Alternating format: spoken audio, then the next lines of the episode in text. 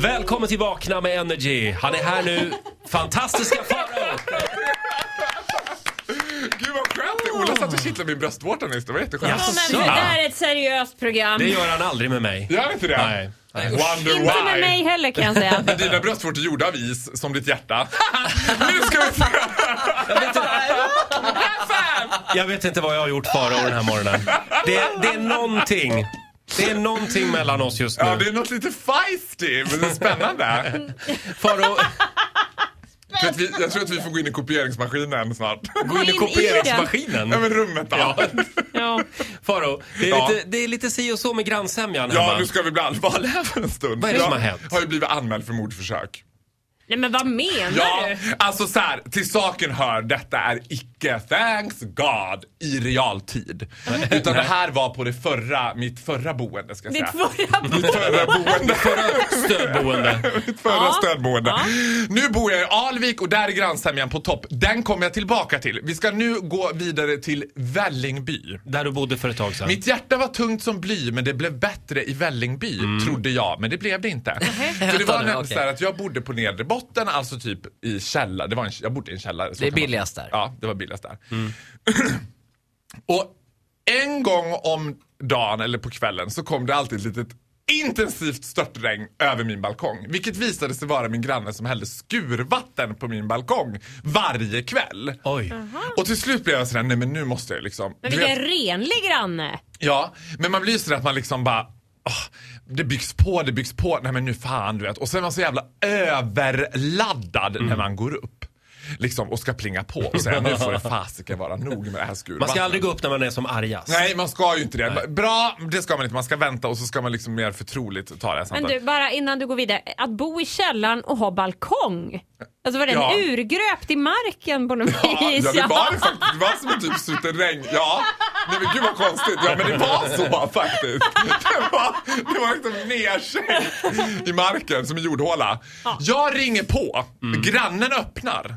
Lika övertaggad som jag. Ögon som råttpittar möter mig i den där lilla dörrspringan.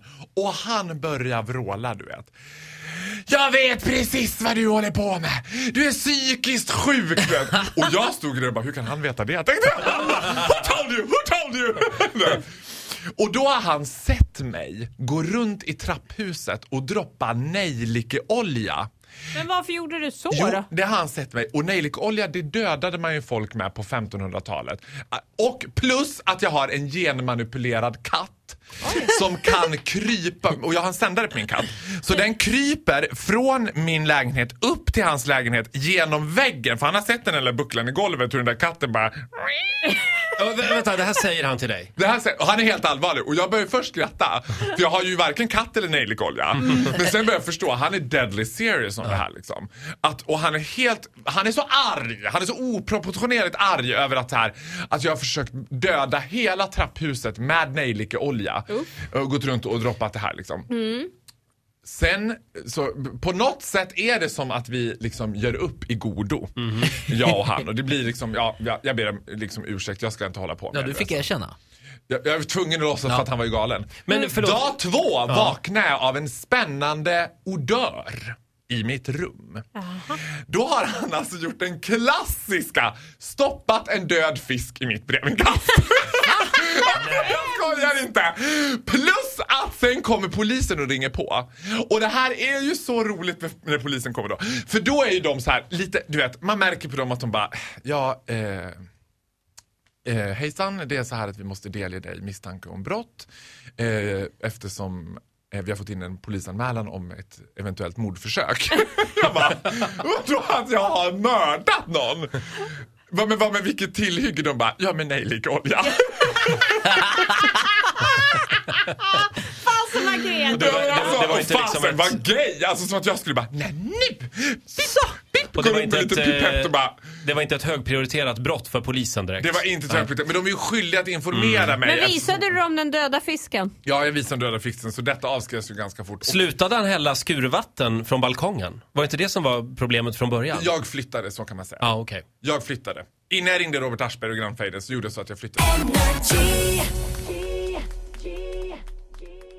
Hej, fantastiska Faro här. Får du inte heller nog av mina galna upptåg och har du missat det bästa klippet, Gustavsbergnatten? Klicka här för att se.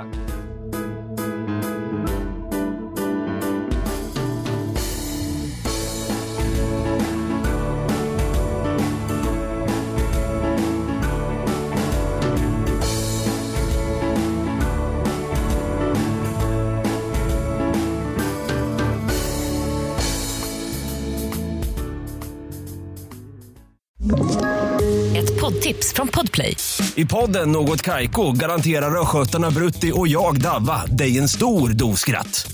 Där följer jag pladask för köttätandet igen. Man är lite som en jävla vampyr. Man har fått lite blodsmak och då måste man ha mer. Udda spaningar, fängslande anekdoter och en och annan arg rant. Jag måste ha mitt kaffe på morgonen för annars är jag ingen trevlig människa. Då är du ingen trevlig människa, punkt. Något Kaiko, hör du på Podplay. Därför är gardinerna.